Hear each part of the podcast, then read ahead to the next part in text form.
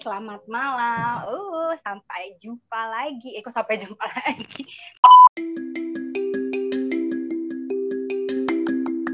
Selamat malam, berjumpa lagi bersama kami Drakor Class. Ih, hari ini kita mau podcastin apa ya? Pastinya tentang drakor baru. Ada drakor baru yang tayang di hari Rabu dan Kamis, yaitu Monly Magazine. Ini tentang apa ya? Nah, aku akan ngobrol sama dua temenku dari Drakor Class pastinya, classmate Drakor Class. Ada Karisna, halo. Karis. Halo. Sama halo, Kak halo. Nas. Ketemu lagi kita. sama Kak Nas. Halo Kak Nas, Kak Nas, Kak Nas. Halo, Anyong Cinggude. Annyeong. Annyeong. Nah, kira-kira hari ini pokoknya kita mau ngobrolin soal Money Magazine. Ah, di sini ceritanya tentang apa ya?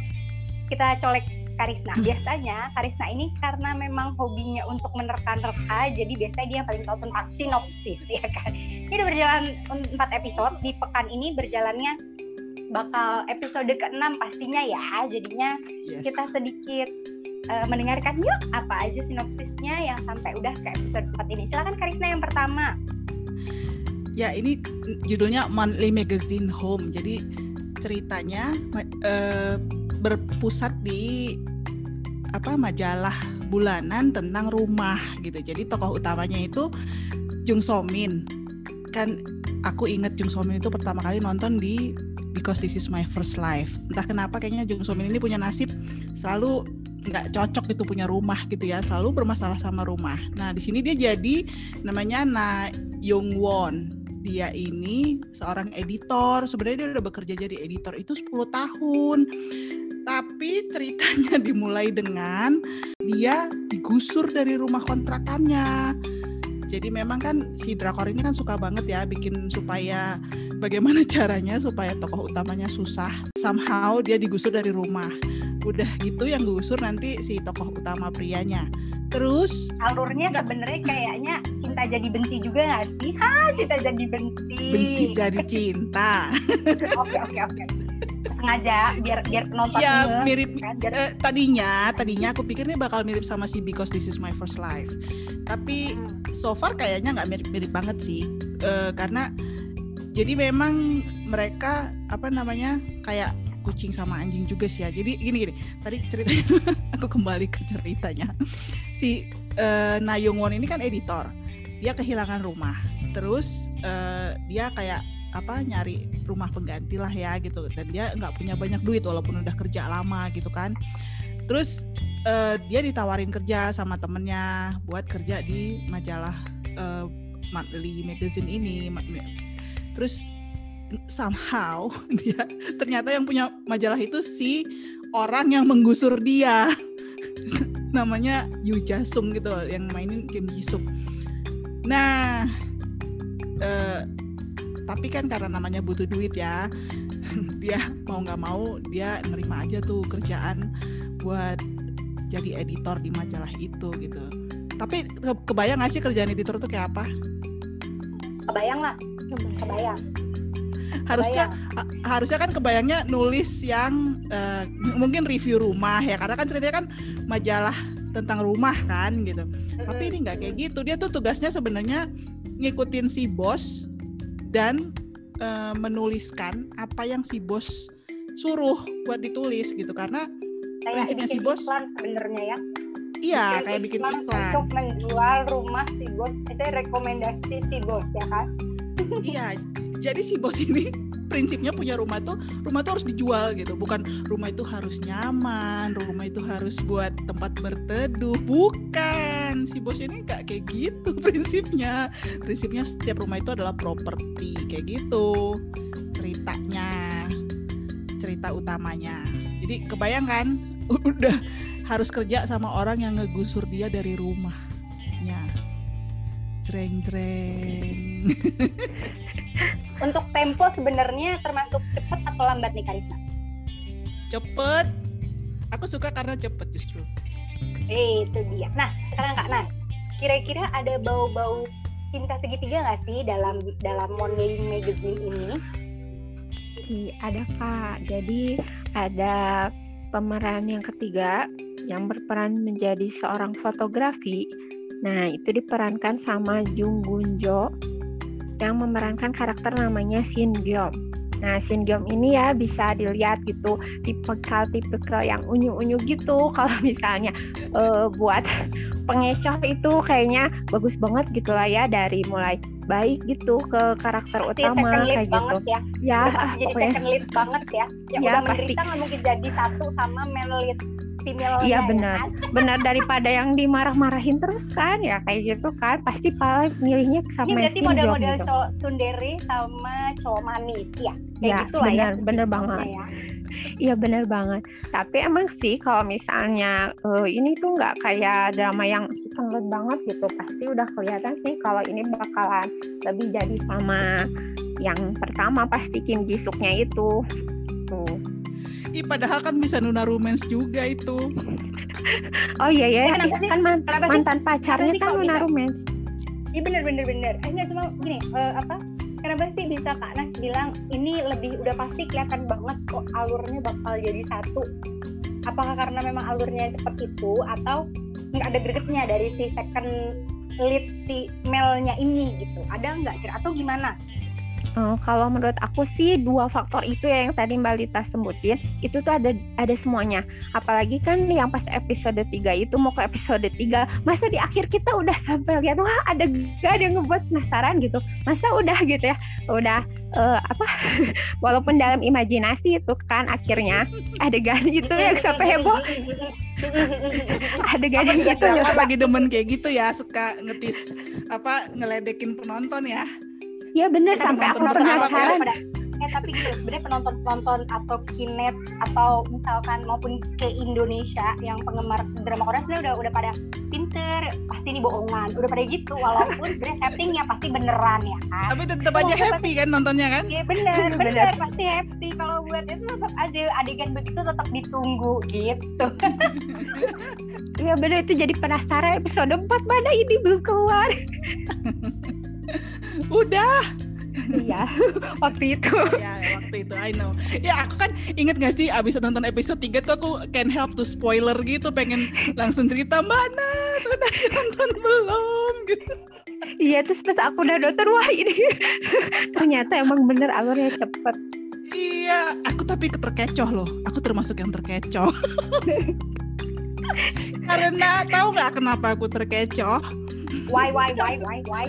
Karena em, apa ya? Kalau ditunjukin kan ceritanya gini, si ya Alkisah si apa namanya si Na ini kan pengen akhirnya dia berubah pikiran tentang rumah itu hanya buat tempat tinggal jadi oke gua mau beli rumah nih sekarang jadi gua mau hemat gitu-gitu kan jadi dia mulai berusaha tuh ngikutin saran-saran dari si Yu Jasung itu yang di video YouTube-nya kan nah salah satunya kan tentang misalnya dia apa menghemat satu hari cuman keluar 10.000 ribu won gitu-gitu kan. Eh sepuluh Terus dia kan- ribuan itu by the way setara berapa sih kalau di rupiahkan penasaran loh. Aku tuh mikir sepuluh ribu jajan gue sehari harus sepuluh ribu gitu. Mampus aja kan kalau di Indonesia. Ka- kalau gambarannya misalnya dia beli beli eh, gimbap eh, em, beli kue segit eh, beli nasi segitiga itu sekitar 6.000 won katanya gitu. Jadi kira-kira ya bandingin aja. Lu nggak bisa beli dua gitu loh dengan uang segitu.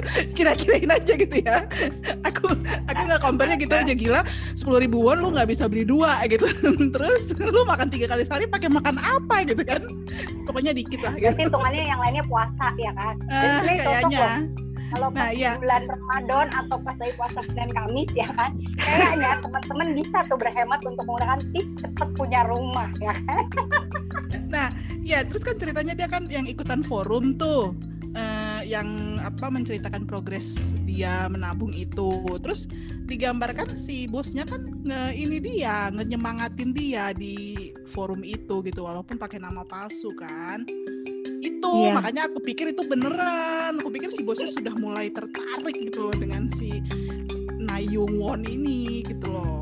Nah itu juga yang ngebuat kalau ini tuh alurnya makin jelas kan. Kalau second lead itu cuma lewat-lewat doang. Tapi second itu juga gimana ya? Sih? Aduh, aku tuh kasihan lo sama second lead-nya sebenarnya. Buat para pendukung second lead tenang aja di sini kamu nggak akan terlalu sakit hati men bener daripada yang lain-lain ya kan biasa aduh gila gemes banget soalnya di drama sebelah tuh udah mulai tuh aroma second lead yang bakal bikin gemes ya kan udah ada di Gumiho tuh udah mulai kelihatan tuh ada Oh iya itu itu nanti kita bahas ya. Tuh nanti ada pembahasan lain ya, Bo. Saudara Iya. ingat tuh ada pembahasan Nah. lain ya. Tapi ya menurut aku sih ini bakal si si apa si second lead ini bakal berguna sih buat eh, apa mengkatalisasi hubungan berdua ini gitu loh. Maksudku Iya kalau nggak ada si second lead ini kemungkinan si first male ini nggak akan nggak akan segitunya Nyadar. nggak apa ya bakal biasa aja gitu loh. Jadi kayaknya memang si second lead ini dibutuhkan sih di sini supaya cemburu Cuma buat- gitu. Ya betul. Aku sih ngerasa gitu juga. Supaya cuma buat cemburu si eh, si Kim Ji Suk Bos. eh Kim Ji Soknya ini istilahnya si siapa sih namanya di film ini? Yu Jasung si bos. Ah, Yu Jasung, Ah, si Yu Ah. Jasung. Aku tuh ingetnya cuma ininya doang loh, apa naga naga airnya doang. Gara-gara dia selalu bilang dirinya adalah naga air ya kan. Satu-satunya naga air yang terlahir untuk mem- men- apa? Saya lahir ke bumi gara-gara dia terus eh, eh, menjelma jadi banyak duit gitu. Jadi itu namanya naga air kan bego ya. Maksudnya aduh dasar sundere begitu saudara-saudara ya kan tipikalnya begitu emang. gitu. Aku baru Kira-kira- tahu legenda naga air itu. Nah iya kan, kan di ini selalu Iya, di, iya. ini kan kalau misalkan dia udah mulai agak tertarik tuh kan sama si Cuman Nah, nggak ngerti kenapa kan- dia ngaku-ngaku naga itu loh. Aku selalu nggak ngerti kirain naga cuman karena ya naga itu kan ceritanya suka apa perkasa gitu loh yang enggak jadi ya pokoknya- dan sebagainya gitu. pokoknya apa istilahnya kalau kalau eh, apa ya kayak maaf ya yang yang matanya agak-agak memang segaris gitu kan di daerah timur sana gitu. Ini mohon maaf sekali lagi ya. Itu biasanya memang gitu kalau misalnya branded itu pasti naga misalnya naga lah gitu. Nah, Oh, biasanya memang yang yang yang basah itu kan dengan air ya maksudnya kayak gitu yes. naga air betul. Nah jadinya Oh. eh istilahnya kan dia awalnya diceritain kenapa dia sempet seneng sama si Nayongwon ini kan karena dia punya kisah yang sama kan yang waktu Iya. awal-awal dibilang apa eh emang dia ini menderitanya sama kayak gue dulu yakin lo kayak gitu kan ke si second lead-nya yang Mel ini kan pas waktu dia baca nggak sengaja di forum yang hitungannya suruh menghemat untuk biar bisa punya rumah itu kan dia ngebaca tuh terus ada kan agak di review sedikit masa lalunya Yu Jae-sung ini Yu Jasung ini kan nah. Pas kayak gitu kan kelihatan tuh apa ya bahwa memang dia menderita lah gitu sempat jadi guru segala macam. Nah pas kebangkitannya ini nah biasanya memang orang-orang sana itu suka bilang dengan naga air itu. Mereka bilang gue ini naga air gitu. Satu-satunya orang yang hitungannya pernah hidup susah terus sekarang jadi kaya raya banget gitu lah intinya kayak gitu. Jadi enggak gue nggak mau gue gue tetap naga air. Kan ngeselin banget aduh tetep ya cuma gini menurut prediksi biasanya kan kita di drakor kelas biasa dengan prediksi ending ya kan kira-kira untuk Tamat ke ending. Enggak, walaupun misalkan uh, Iya, iya. di epi- kita masih berjalan sampai episode 6 di minggu ini gitu kan. Heeh. Cuma kira-kira bakal nggak di ending mimpi Nayowong Nayongwon bisa punya rumah sendiri bakal kesampaian nggak? Kira-kira gimana? Kalau menurut pandangan Mbak Nas gimana Mbak Nas?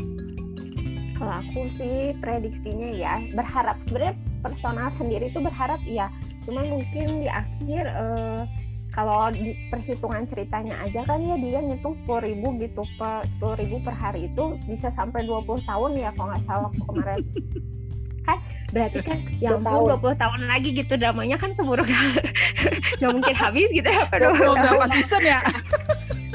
Iya, kayak gitu ya. Jadi mungkin eh, nggak akan benar-benar berhasil sama sendiri gitu. Mungkin ya siapa tahu gitu nikah sama Jess tuh. Iya kan? Jadi kan, Kayak gitu juga. Oh, oh, oh. jadi kan Wah, eh, rumah asik. bersama gitu. Kemudian loh kita bertiga hati loh. Aku juga ngerasanya gitu. Ya Maksudnya, ampun, ya ampun. aku juga ngerasanya gitu gitu kan nggak mungkin kayaknya kalau dia untuk nabung sendiri gitu kan karena uh, percepatan cerita cintanya kayaknya bakal memang positif sama kalaupun misalkan enggak gitu ya minimal adalah cipratan-cipratan dikit gitu kan dari si second leadnya. Karena kan dia katanya mau sekolah tuh keluar negeri kiri aja eh, dihibahkan rumah Jual- gitu kan. Kan Iya. awal-awal jual tuh dia tenda jual tenda. Iya bener bener. Kan ada tuh dia bilang apa ya ini udah gue beliin aja deh nanti gak usah dia sewain. Pokoknya dia tinggal tinggal tinggal manis di situ. Uh gue juga mau begitu. Ngimpi bo ngimpi bo gitu ya. Enggak dia dia dikasih tenda kali sama si second lead. Terus tendanya dijual, buat Dijual. jadi down payment. Tapi Iya, tapi eh betul. bener loh. Aku juga mikir hal yang sama gini loh kadang-kadang ya ngumpulin duit itu eh, bisa aja sih ngumpulin duit sehemat-hematnya. Tapi kan selalu ada banyak hal-hal di luar di luar kendali kita ya gitu. Kayak tiba-tiba misalnya kayak temen-temennya maksa dia beli minuman atau nyuruh traktir gitu. Walaupun yang Eh, itu, tuh masih bisa dihindari. itu tuh lucu tuh. Ya itu bisa dihindari ya. Sebenarnya kan eh, godaan diri sendiri pun buat belanja belanja gitu kan sebenarnya bisa dihindari ya. Tapi adalah kalau tiba-tiba misalnya sakit harus beli obat yang gitu-gitu susah gitu loh mau sepuluh ribu won sehari gitu loh. Let's say kita misalnya lima puluh ribu rupiah lah sehari gitu. Itu tuh juga harus apalagi kalau impossible sih sebenarnya. Iya. Kalau single mungkin masih bisa kali. Kalau keluarga kalau single Gimana? kalau keluarga apalagi kan dengan dengan buntut tiga lima puluh ribu oh my god gitu kan. Aduh masak apa ya gue gitu. Itu aduh dudu dudu gitu maksudnya ya kalau makan anak indomie aja nggak cukup sayur, kayaknya kalau pas kalau pas mau sayur kalau pas agak gitu kan uh lala aduh pusing bo Nah, Eh, iya. tapi tapi itu loh, aku coba searching ya 10.000 won itu berapa ke Indonesia. Ternyata di Indonesia itu 127.000 loh. 128.000. wah ya cukup cukup kalau Iya, itu cukup Berarti kalau Ya, kalau cukup beda mungkin harusnya. beda beda negara gitu ya. Kalau di Indonesia sih segitu 100 100 ribu aja lah taruh pasti ya cukup mungkin ya.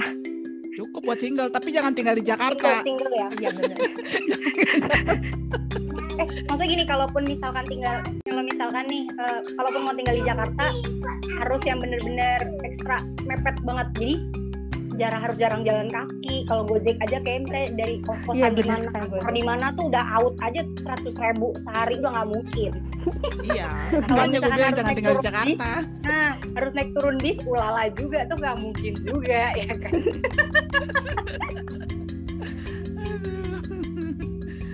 Iya tetap mepet sih ya 127 ribu rupiah sehari itu pasti mepet lah. Buat makan udah berapa? Buat ongkos itu kayaknya dia butuh eh tapi pengalaman-pengalaman Karis yang udah pernah ngekos juga jauh dari keluarga.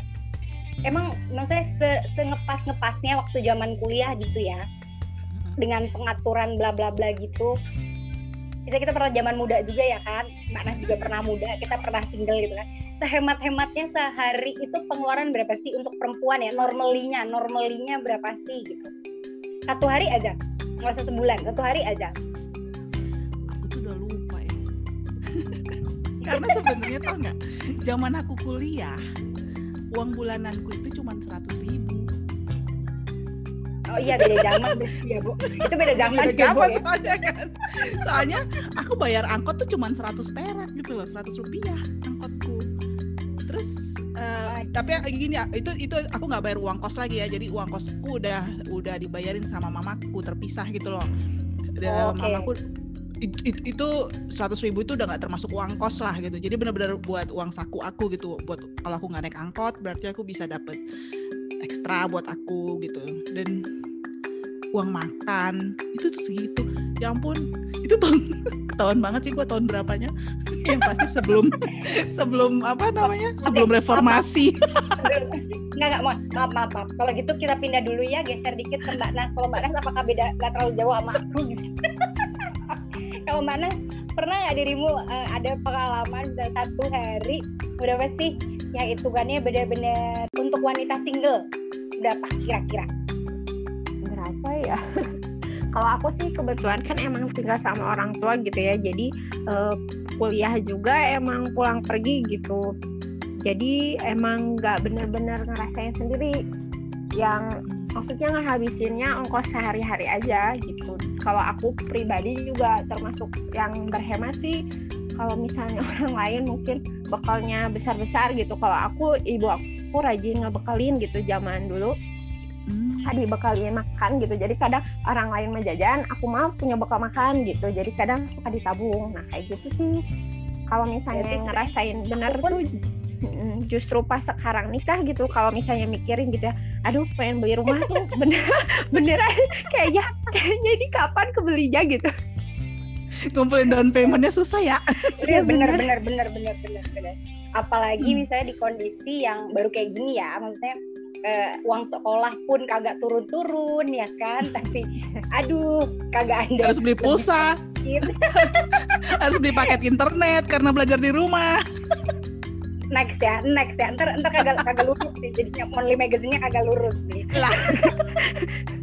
Dicurcol nah, nah kalau misalnya untuk apa namanya prinsip apakah rumah itu jadi kita pakai prinsip yang mana? Lebih serak ke prinsip Nayong Nayongwon ya hitungannya.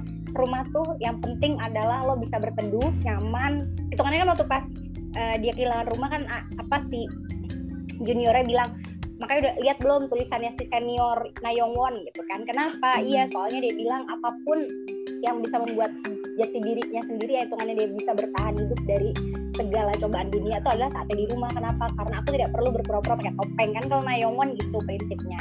Nah kalau si uh, bapak ini bapak uh, Yujasung Yujasung gitu kan itu kan enggak. Pokoknya properti yang hitungannya kalau kalau misalkan udah pas saatnya buat dijual atau ini kondisi kanan kirinya hitungannya apa dihitung tuh ya kan. Dari sini ke rumah sakit sama stasiun ya kan stasiun entah itu stasiun kereta atau bis ya kan. Pokoknya kalau itu deket itu udah udah emas banget lah hitungannya itu mahal daya jualnya gitu. Karena apalagi di tengah-tengah kota oh tambah mahal. Nah kalau gitu udah harus layak jual nggak boleh ditinggalin gitu. Nah kalau Karisna sendiri lebih ke yang mana prinsip untuk uh, masalah rumah ini? Masalahnya memang cerita ini tuh banyak banget pelajarannya loh. Maksudnya aku ngerasa jadi yang eh, iya juga ya. Maksudnya aku nggak pernah loh berpikir sampai dan desain rumahnya nih pendengar Classmate Drakor Class ya kan. Ini desain rumahnya keren-keren loh ya kan? Ngerasa nggak sih? Iya, yang waktu pas banget. ada di satu rumah yang misalkan dia termasuk minimalis ya kan. Cuma tuh uh, apa bednya turun tuh loh ganti sofa adrit keren banget. Aduh gue langsung gini kapan gue punya rumah kapan gue punya rumah kayak gitu samaan banget gitu ya. Mimpi ya. Bener. Enggak maksudnya itu simpel banget loh maksudnya. Tinggal tinggal begitu keluarga mau datang sih naik ke atas gitu kan. Karena kalau datang itu minis minimalis banget gitu. Itu tuh gak yeah. luar dugaan gitu loh. Itu benar-benar keren lah itu keren banget. Walaupun misalnya di cerita itu uh, akhirnya ketemu sama mantan ah itu bodo amat lah teling gitu. Tapi untuk untuk rumah-rumahnya tuh bener-bener membuat impian banget bener-bener apa yeah. ya iya. di, di karakterin itu di situ tuh bener-bener punya daya jual luar biasa gitu loh. Nah kalau Karista gimana pandangannya terhadap rumah-rumah itu? Kalau aku milih rumah untuk ditempatin kayak si Nayong Won makanya sampai sekarang masih ngontrak. Alasan jangan gitu dong aku juga masih kontraktor bo sama same. Sama. Tapi cerita lagi bo. Cerita lagi bo. Off dulu. Oke oke nanti aja ceritanya belakangan ya. Off air aja ya ceritanya same. Lanjut. Iya, rumah itu buat ditempatin lah gitu.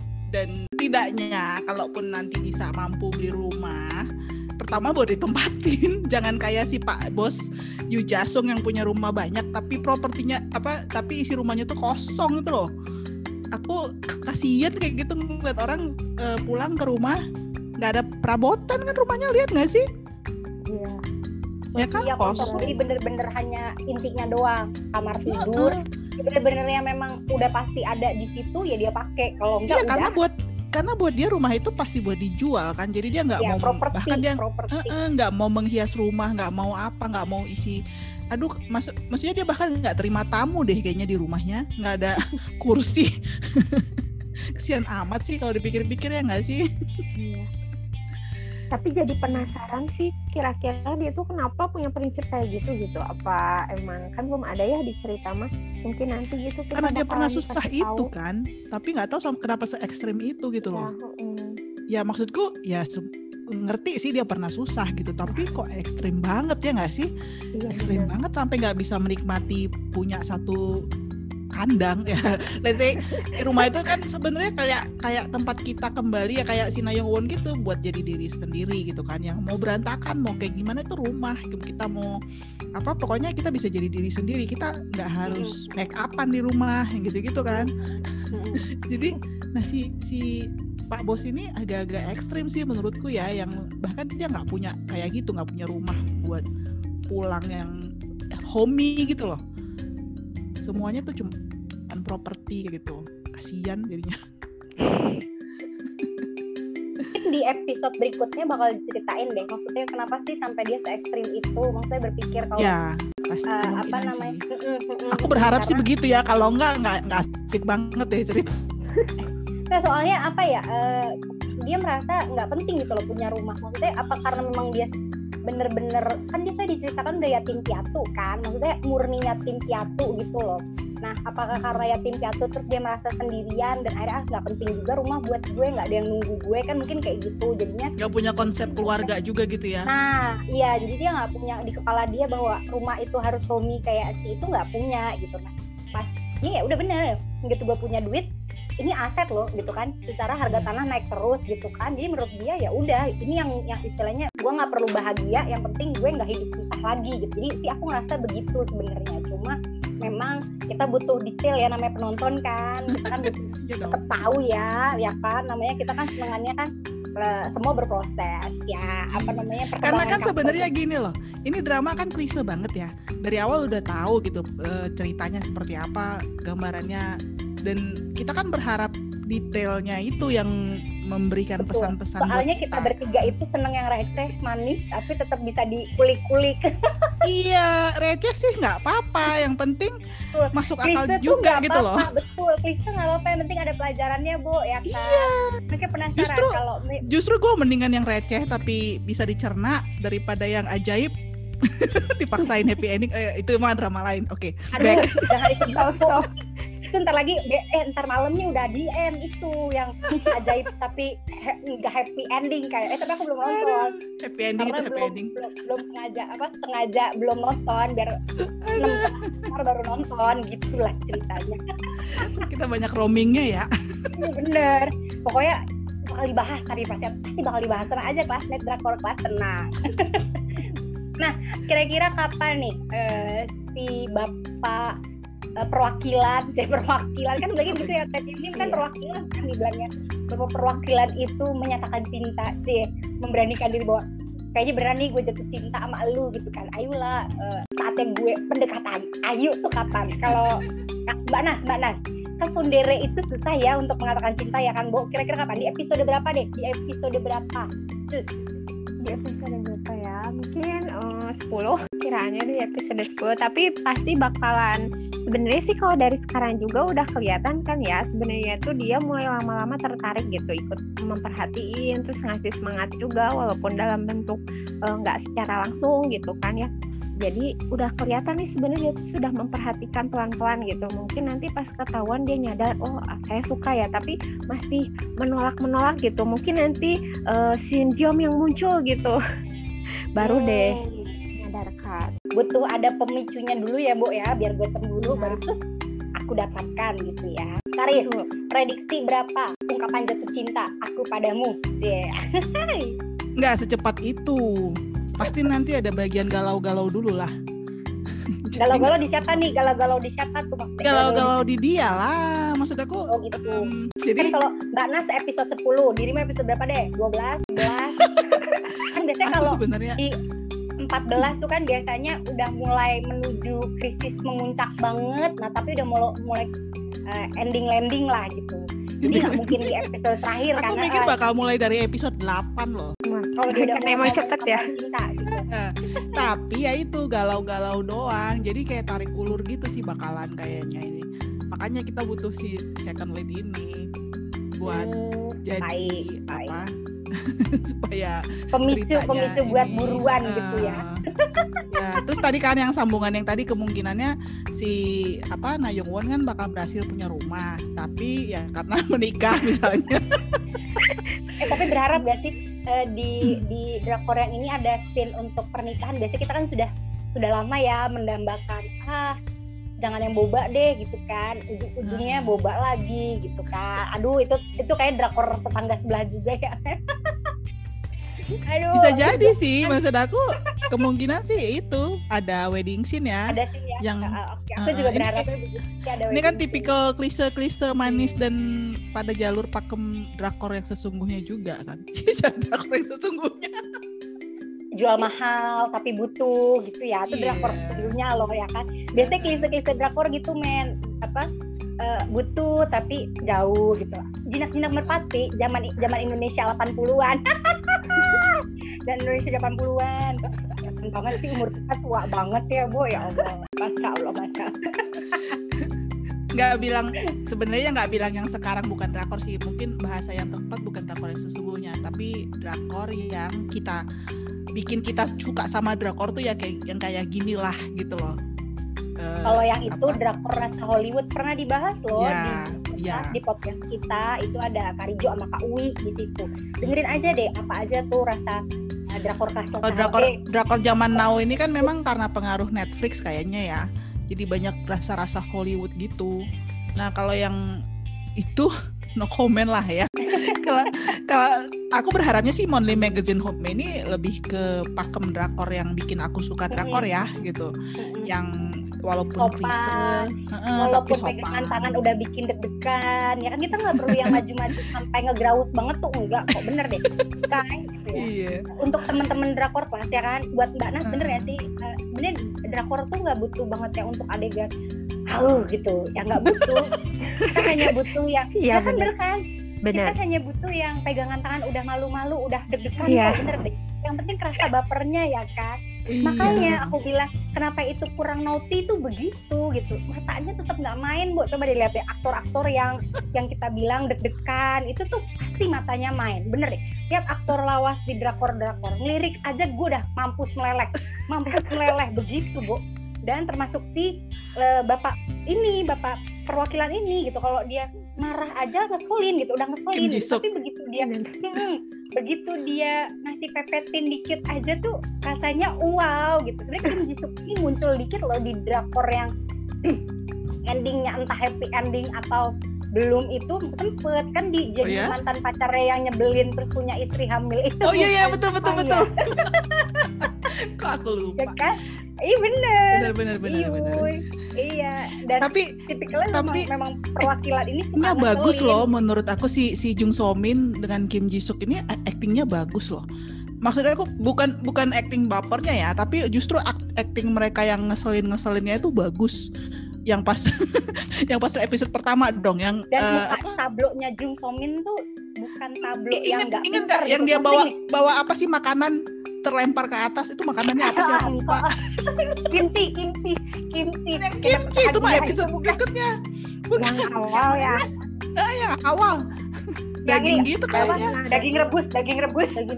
Ya bener. aduh itu itu lucu banget asli. Aku langsung ngakak ngakak kayak yang wah ini kayaknya kan si Jung So Min-nya juga apa sih em, nggak jaim ya. Eh, apa pokoknya nggak nggak dandan nggak jaim terus juga yang tapi loh marah. aku suka acting Jung So Min malah waktu main melodrama eh, bareng Melitnya di itu di Doom jujur. Aku lebih senang dia waktu pas main itu itu menurutku jauh lebih kena actingnya jadi menurutku si Jang So Min ini walaupun dia termasuk yang romcom banget tapi dia juga bisa sebenarnya untuk main melo tuh keren juga gitu. Jadi kan itu ini wak- kalau yang ini dia terinspirasi dari Star Starsland apa sih judulnya? Starsland itu deh.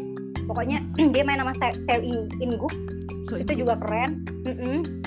dia juga keren. Jadi eh, apa aku suka dengan aktingnya Jong Sung jadi waktu pas menonton ini pertama kali juga aku karena aku suka pemeran utamanya dua-duanya. Baik yang pemeran utama laki-laki maupun yang perempuan gitu.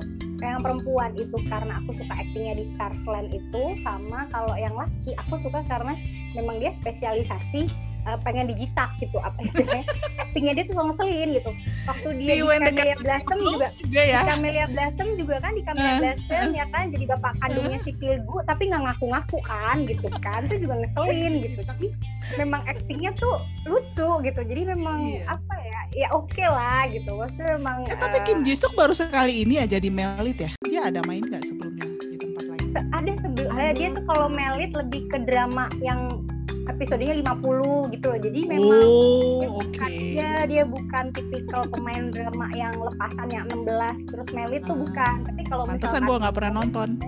dia yang di 50 iya bener dia dia memang aktingnya ini banget sih apa eh, lebih ke deep apa ya rasa mainnya rasa banget gitu jadi begitu lihat wah ini harus ditonton udah masuk listku gitu. Cuma memang karena barengan sama yang manis-manis biasanya aku mengalah dulu tuh ya karena main manis-manis. Tapi ya bukan berarti ini nggak manis ya. Sekali lagi bukan nggak berarti nggak manis guys. Cuma eh, aku pengen lihat acting yang anak muda dulu lah gitu. Karena ini kan udah udah kita lihat pasti kualitas actingnya delapan setengah gitu. Maksudnya ah nggak akan diragukan gitu. Jadi menurutku pengen lihat yang hitungannya kayak apa ya? Eh ya yang muda berapa sih gitu. Kayak gitu sih lebih tepatnya. Nah karena endingnya kita berharapnya happy ending ya kan? Untuk penilaian sendiri Monthly Magazine kira-kira berapa Karis? Maksudnya rating filmnya nih. Sampai episode ini aja deh, 4 dulu nggak apa-apa. Kita kan masih ntar bisa dibahas lagi gitu kan? Nanti kita berikutnya adalah prediksi berjalannya setelah setengah episode bener ya? Jadi kita ada lagi. Bener ini bisa dibahas lagi Aku suka sih ya drama ini ya so far. Dan eh, semuanya lah ceritanya, aktingnya, klisenya, berantemnya. eh aku kasih 9 buat semuanya. dan lo Karisa tumben sembilan. Manas manas manas berapa manas manas berapa manas Hmm, aku karena ini masih empat episode ya, jadi aku ngasih eh, delapan. tapi kalian udah tinggi tinggi loh lah udah tinggi loh bener Karena Apalagi emang Karis bagus. biasanya kalau sembilan eh, dia akan bertahan sampai akhir tuh biasanya paling turun-turun dikit delapan setengah tuh biasanya karis loh karena dia kalau udah suka di awal dia akan meneruskan sampai akhir dan memprediksi beneran kayak beneran di endingnya begini dan akan kita lihat ya. Pokoknya kalau udah Ini tuh aku sukanya karena ini loh faktor cepet jalan ceritanya cepet. Dari awal aku udah langsung terhibur gitu loh lucu. Dan apa namanya aktingnya eh, si Jung So Min-nya, si Kim Ji Suk-nya, terus apalagi pas muncul second lead-nya gitu itu tuh tambah, tambah menarik Oh, gitu by the way, si second lead ini udah muncul di mana sih jujur? Aku baru pertama lihat di Monthly Magazine ini. Sebelumnya aku belum, jadi aku nggak bisa menilai si second lead Si second lead ya. ini main main di kalau aku sih yang pernah nontonnya di Extraordinary You. Kalau yang eh, dari aku baca sih dia main juga di Oh My Baby sama di di, di tempat di True Beauty sih dia jadi guest role doang gitu. Tapi Berarti kalau yang aku- main main role itu yang yang jadi pemeran ya second lead gitu di Oh My Baby sama Extraordinary You. Aku belum ngeh berarti. Dua-duanya, eh oh my baby itu yang mana sih? Bentar, kayak aku belum ngeh deh. Oh My Aku Baby itu yang yang- si si siapa namanya itu? Yang punya anak itu bukan sih yang punya anak surrogate. Eh punya anak Aku tanpa bakal- ayah bukan? Oh Lupa ya, pokoknya aku belum. Karena aku aku yang nonton. itu kayaknya belum. Aku juga belum nonton. Yang aku nonton di Extraordinary You. Aku nonton tapi kayaknya belum ku habisin, jadi aku nggak ngeh dia muncul di mana. Tadinya aku nggak nggak eh, waktu lihat gini, aku kayak pernah lihat ini orang di mana ya gitu, lupa sama sekali.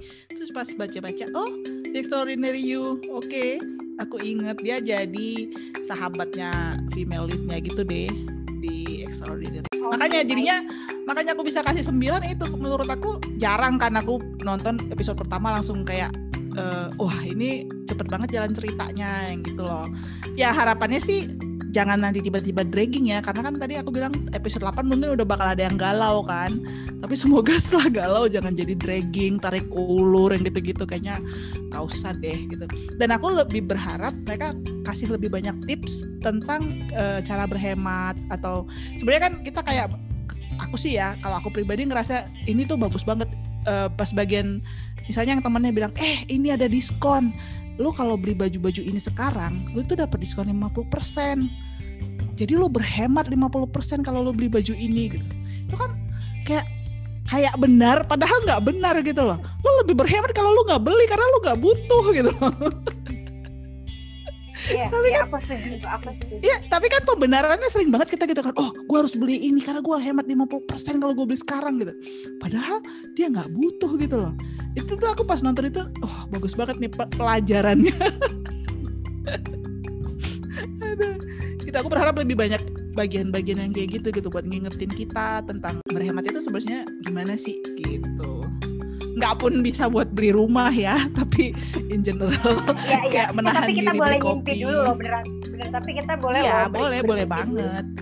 Boleh banget emang. Karena kan kayak misalnya dia ngitung beli kopi setiap hari sekian. Wah ternyata gue beli kopi se- sebulannya bisa habis sekian banyak gitu. Maksudnya kadang-kadang kita ngerasa wah cuma lima puluh ribu kok beli Starbucks gitu. Padahal kalau dihitung-hitung dikali 30 berapa? Bisa ditabung. iya kan kayak gitu. Maksudku yang gitu-gitu tuh jarang gitu loh di di apa diingetin ke kitanya gitu. Kita nggak usah ah murah lah cuma lima puluh ribu beli aja gitu kan padahal. Pokoknya bener-bener diingatkan sesuai belilah sesuai kebutuhan bukan Iya. berdasarkan keinginan semata gitu ya. Heeh, bukan karena diskon. Bukan karena kalap belanja diskon. Oke mak-mak dicatat ya kak cus. Oke segitulah obrolan kita tentang Only Magazine 4 episode Eh, tenang aja mungkin kita akan balik lagi apakah kita masih menetapkan nilai 9 dan nilai 8 di episode-episode berikutnya karena ini Emang- masih berkembang emang ya, kalau. Mbak Lita kasihnya berapa Aku sih hmm, di 8 sih, masih 8. Diku Oke. 8 sama kayak Mbak Nas. Aku 8. Karena aku merasa nanti ada kecenderungan bosan kalau dia tidak mempertahankan masalah sundereknya si eh, Pak Perwakilan. Pak Perwakilan Pak Bos Eh, eh, Pak Bos. Jadi aku merasa gitu kalau misalnya terlalu tarik ulur, aku kadang ngerasa alah mending gua sama second lead deh gitu. Kalau aku suka begitu. Kan. Biasa aku begitu. Jadi eh, aku di 8 dulu. Nanti kalau misalnya bener-bener ini mungkin bisa naik jadi 9. Mungkin ya, karena ini masih di episode awal banget masih 4. Jadi kalau yang mau ngikutin Monly Magazine masih boleh buat nonton gitu. iya nontonnya di Aiki Hai, lagunya begitu ya. Hai, gitu. itu masih gratis nanti mungkin episode berapa gitu bakal ditutup tapi tenang aja biasanya seminggu kemudian bisa ditonton kok sepuluhan ke atas biasanya, Iya. sebelas, dua belas. ya kan cuma telat seminggu kan maksud aku nggak apa-apa lah nggak bayar ini Kalau masih bisa nonton dia kan, mumpung masih awal episode nonton aja seru loh pokoknya. Oke ya, terus jangan lupa tetap ngikutin terus podcastan kita di Drakor Class, terus ada YouTube-nya. Terus jangan lupa kalau yang nggak terlalu seneng buat kita ngoceh nggak jelas, itu boleh banget datengin aja ke www.drakorclass.com ya kan. Di situ kamu bisa baca review-review menyenangkan seputaran drakor, aktor dan lain-lainnya, aktris juga. Tapi ingat Drakor Class itu lebih bela Opa ya kan, bukan Oni. Ada bercanda. Ya oke gitu aja sekian dari kami bertiga. Terima kasih banyak sudah mendengarkan. Dadah. dadah annyeong Annyeong.